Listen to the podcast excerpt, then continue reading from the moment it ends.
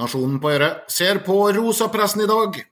For eh, når Finansavisen og DN eh, avslører dårlig kunnskap om eh, norsk matproduksjon, så kan det være morsomt. Når de drømmer om å legge ned norsk landbruk, så er det ikke så morsomt lenger. Finansavisens redaktør Trygve Hegnar skriver Nasjonen og bønder, norske bønder ljuger og tryller. It takes one to know one, tenker jeg. Hegnar roper fra sin lederplass Nasjonen er bøndenes egen avis. Her banker virkeligheten diskré på, og minner om at det er A-media som har eid 67,1% av Nasjonen siden 2021. Nasjonen dekker sirkulært næringsliv, slik Hegnar dekker finansielt næringsliv. Forskjellen er at vi ikke hevder at Finansavisen er finanskapitalistenes egen avis. Selvforsyningsgraden her i landet den er om lag 40% Hegnar skriver at den er 50 og det er nær blink til å være Hegnar. Men selv 50% det er bare juks, ifølge Finansavisen. For produserer vi ikke 21 millioner laksemåltider hver dag i tillegg? Problemet er så klart at nesten alt fôret til den laksen her kommer på skipskjøl fra utlandet. Det hadde vært fristende å anbefale Hegnar en tur til Svartehavet for å sjekke stabiliteten i leveransene av tomvare i en region med krig, men av hensyn til sikkerheten så lar vi det være. Appelsiner, bananer og ris det kan ikke vi dyrke i Norge, og mange av de varene vi spiser i fredstid må importeres.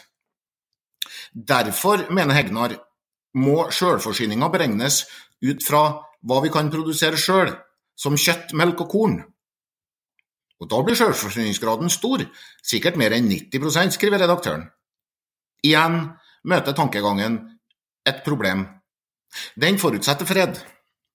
Men når minene legges ut i Skagerrak, er det ikke bare laksefòret og etter få uker laksen vi må klare oss uten. Da blir det ikke noe ris, appelsiner eller bananer å få kjøpt, verken på CC Vest eller hos Joker Bogen. Da trenger vi mye mer kjøtt, korn og melk for å bli mett. Dagens markedsbalanse på disse produktene den bygger altså på at vi importerer en del fôr og spiser masse importmat i tillegg. Da blir balansen avløst av matmangel og rasjonering.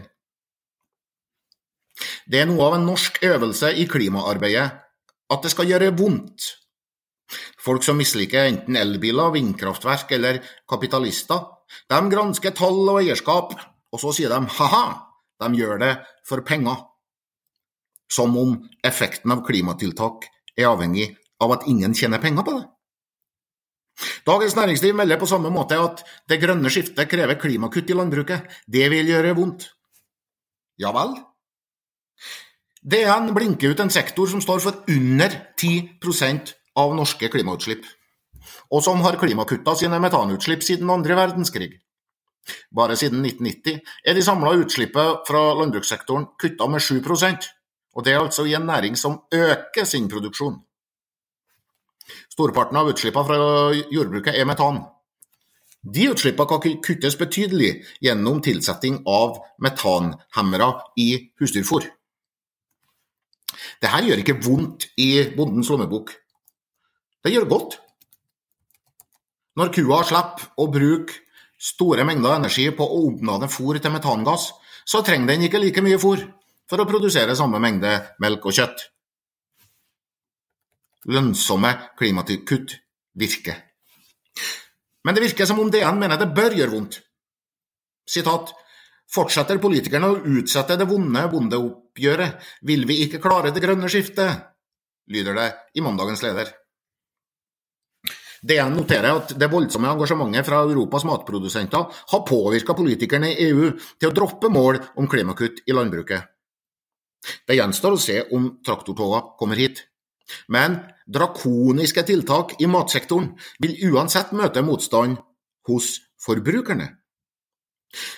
Miljødirektoratet beregner store potensielle klimakutt fra kjøttkutt. Og hvordan det? Jo, ingen nordmann skal spise mer enn kostrådene sier. I dag sier de altså 500 gram spiseklart kjøtt i uka. DN mener å ha funnet en motsetning i politikken til dagens regjering, som vil la folk forsyne seg i kjøttdisken uten avgifter, men legger avgifter og restriksjoner på alkohol og tobakk. Ja, det er gjerne en liten forskjell på giftholdige rusmidler på den ene sida, og på mat med så viktige næringsstoffer at vi anbefales å spise den, på den andre. Når vi ikke målet om klimanøytralitet, så kan regninga vi sender til neste generasjon bli astronomisk målt i penger, migrasjonsbølger og menneskelige lidelser, skriver lederskribenten, omtrent som konsekvensene av at folk ikke har nok mat. Gårdsbrukene er altfor små og bøndene altfor gamle. Land som Norge må slutte med å drive landbruk i områder som klimamessig egner seg svært dårlig, mener DN. Det betyr i praksis storparten av Norge. Bare Oslo-regionen, Jæren og muligens Innherred kan ha et håp om å holde innmarka åpen og skogfri, uten subsidiene som DN så gjerne vil til livs. Dagen etter at DN foreslår å kutte norsk matproduksjon og europeiske bønder, så tar avisa til orde for å ruste opp norsk og europeisk forsvarsevne. Dette kunne ha vært ufrivillig morsomt, dersom det var morsomt. Nasjonen på Øre ønsker deg en fortsatt riktig god dag, og du, sjekk hvor maten du spiser kommer fra.